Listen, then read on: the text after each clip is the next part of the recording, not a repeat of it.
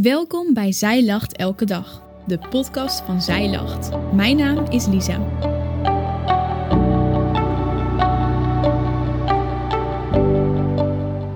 Dit is de overdenking van 27 juni door Anne Saar Koens.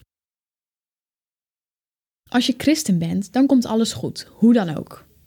Iemand zei het pas een keer tegen mij. Ik knikte beamend en vertelde hem dat het soms zo bevrijdend is, dat het rust geeft en vrede diep van binnen, dat je mag weten dat je geborgen bent in de handen van je vader. Dat je nooit alleen bent, maar dat hij er altijd is. Maar, zei ik later, ik fluisterde het met brandende tranen in mijn ogen. Het is soms zo moeilijk. Want wat als Jezus volgen niet alleen maar halleluja is? Wat als het recht tegen je eigen hart en verlangens ingaat? Ik maakte het pas mee, meer dan ooit. Ik maakte het mee dat Jezus volgen mij geen lach op mijn gezicht bezorgde. Ik maakte het mee dat Jezus volgen mij tranen bracht, heel veel tranen. Alle halleluja-liedjes konden mij gestolen worden. Ik maakte het mee en ik wist niet dat Jezus volgen betekent sterven. Sterven aan jezelf, sterven aan je eigen verlangens. Jezus zei het al tegen zijn leerlingen in Lucas 9, vers 23 en 24. Wie achter mij aan wil gaan, moet zichzelf verloochenen en dagelijks zijn kruis op zich nemen en mij volgen. Want ieder die zijn leven wil behouden, zal het verliezen, maar wie zijn leven verliet omwille van mij, zal het behouden. Jezus volgen betekent jezelf verloochenen. Je kan niet christen zijn en tegelijkertijd voor de wereld leven.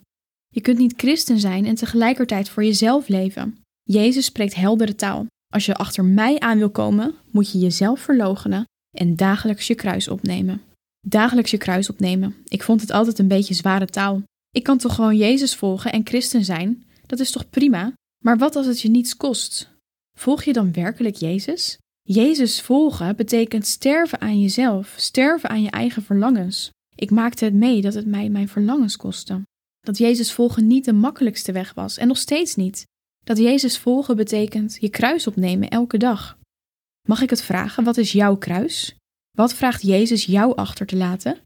Is het je eigen ik? Is het je eigen hoogmoed? Jezus volgen gaat verder dan je aan bepaalde regels houden.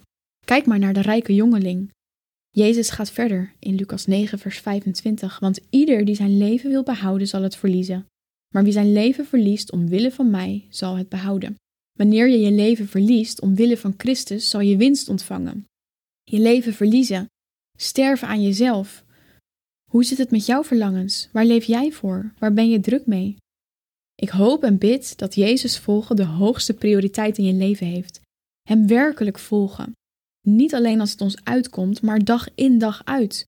Ook als het betekent dat er keuzes moeten worden gemaakt.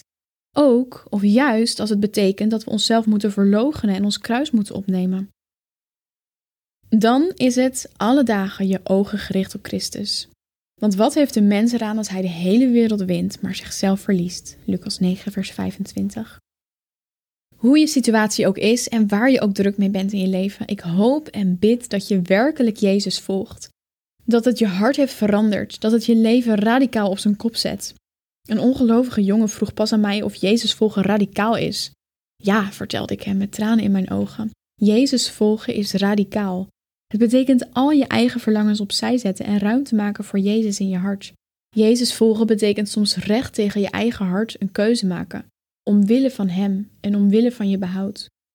Jezus volgen kost dus soms ook tranen. En het is niet alleen maar halleluja, hoe mooi sommige liedjes ook kunnen zijn. Soms is Jezus volgen alleen maar zeggen: Hier is mijn hart, Heer. Jezus volgen kost strijd. Strijd met je eigen vlees, met de zonde. Jezus zei het tegen zijn leerlingen nadat hij hen vertelde dat hij moest gaan lijden. Hij ging ons voor. Mag dat en mag Hij je troost zijn in heel je leven. En mogen we alle dagen de ogen richten op Jezus en vastberaden de wedstrijd lopen die voor ons ligt.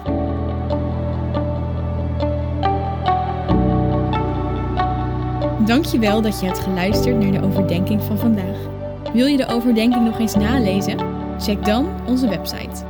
Je vindt daar ook nog meer toffe dingen die jou helpen om de Bijbel vaker te openen, zoals boeken, Bijbels, cursussen en evenementen. Morgen ben ik weer bij je terug met een nieuwe overdenking. Tot dan!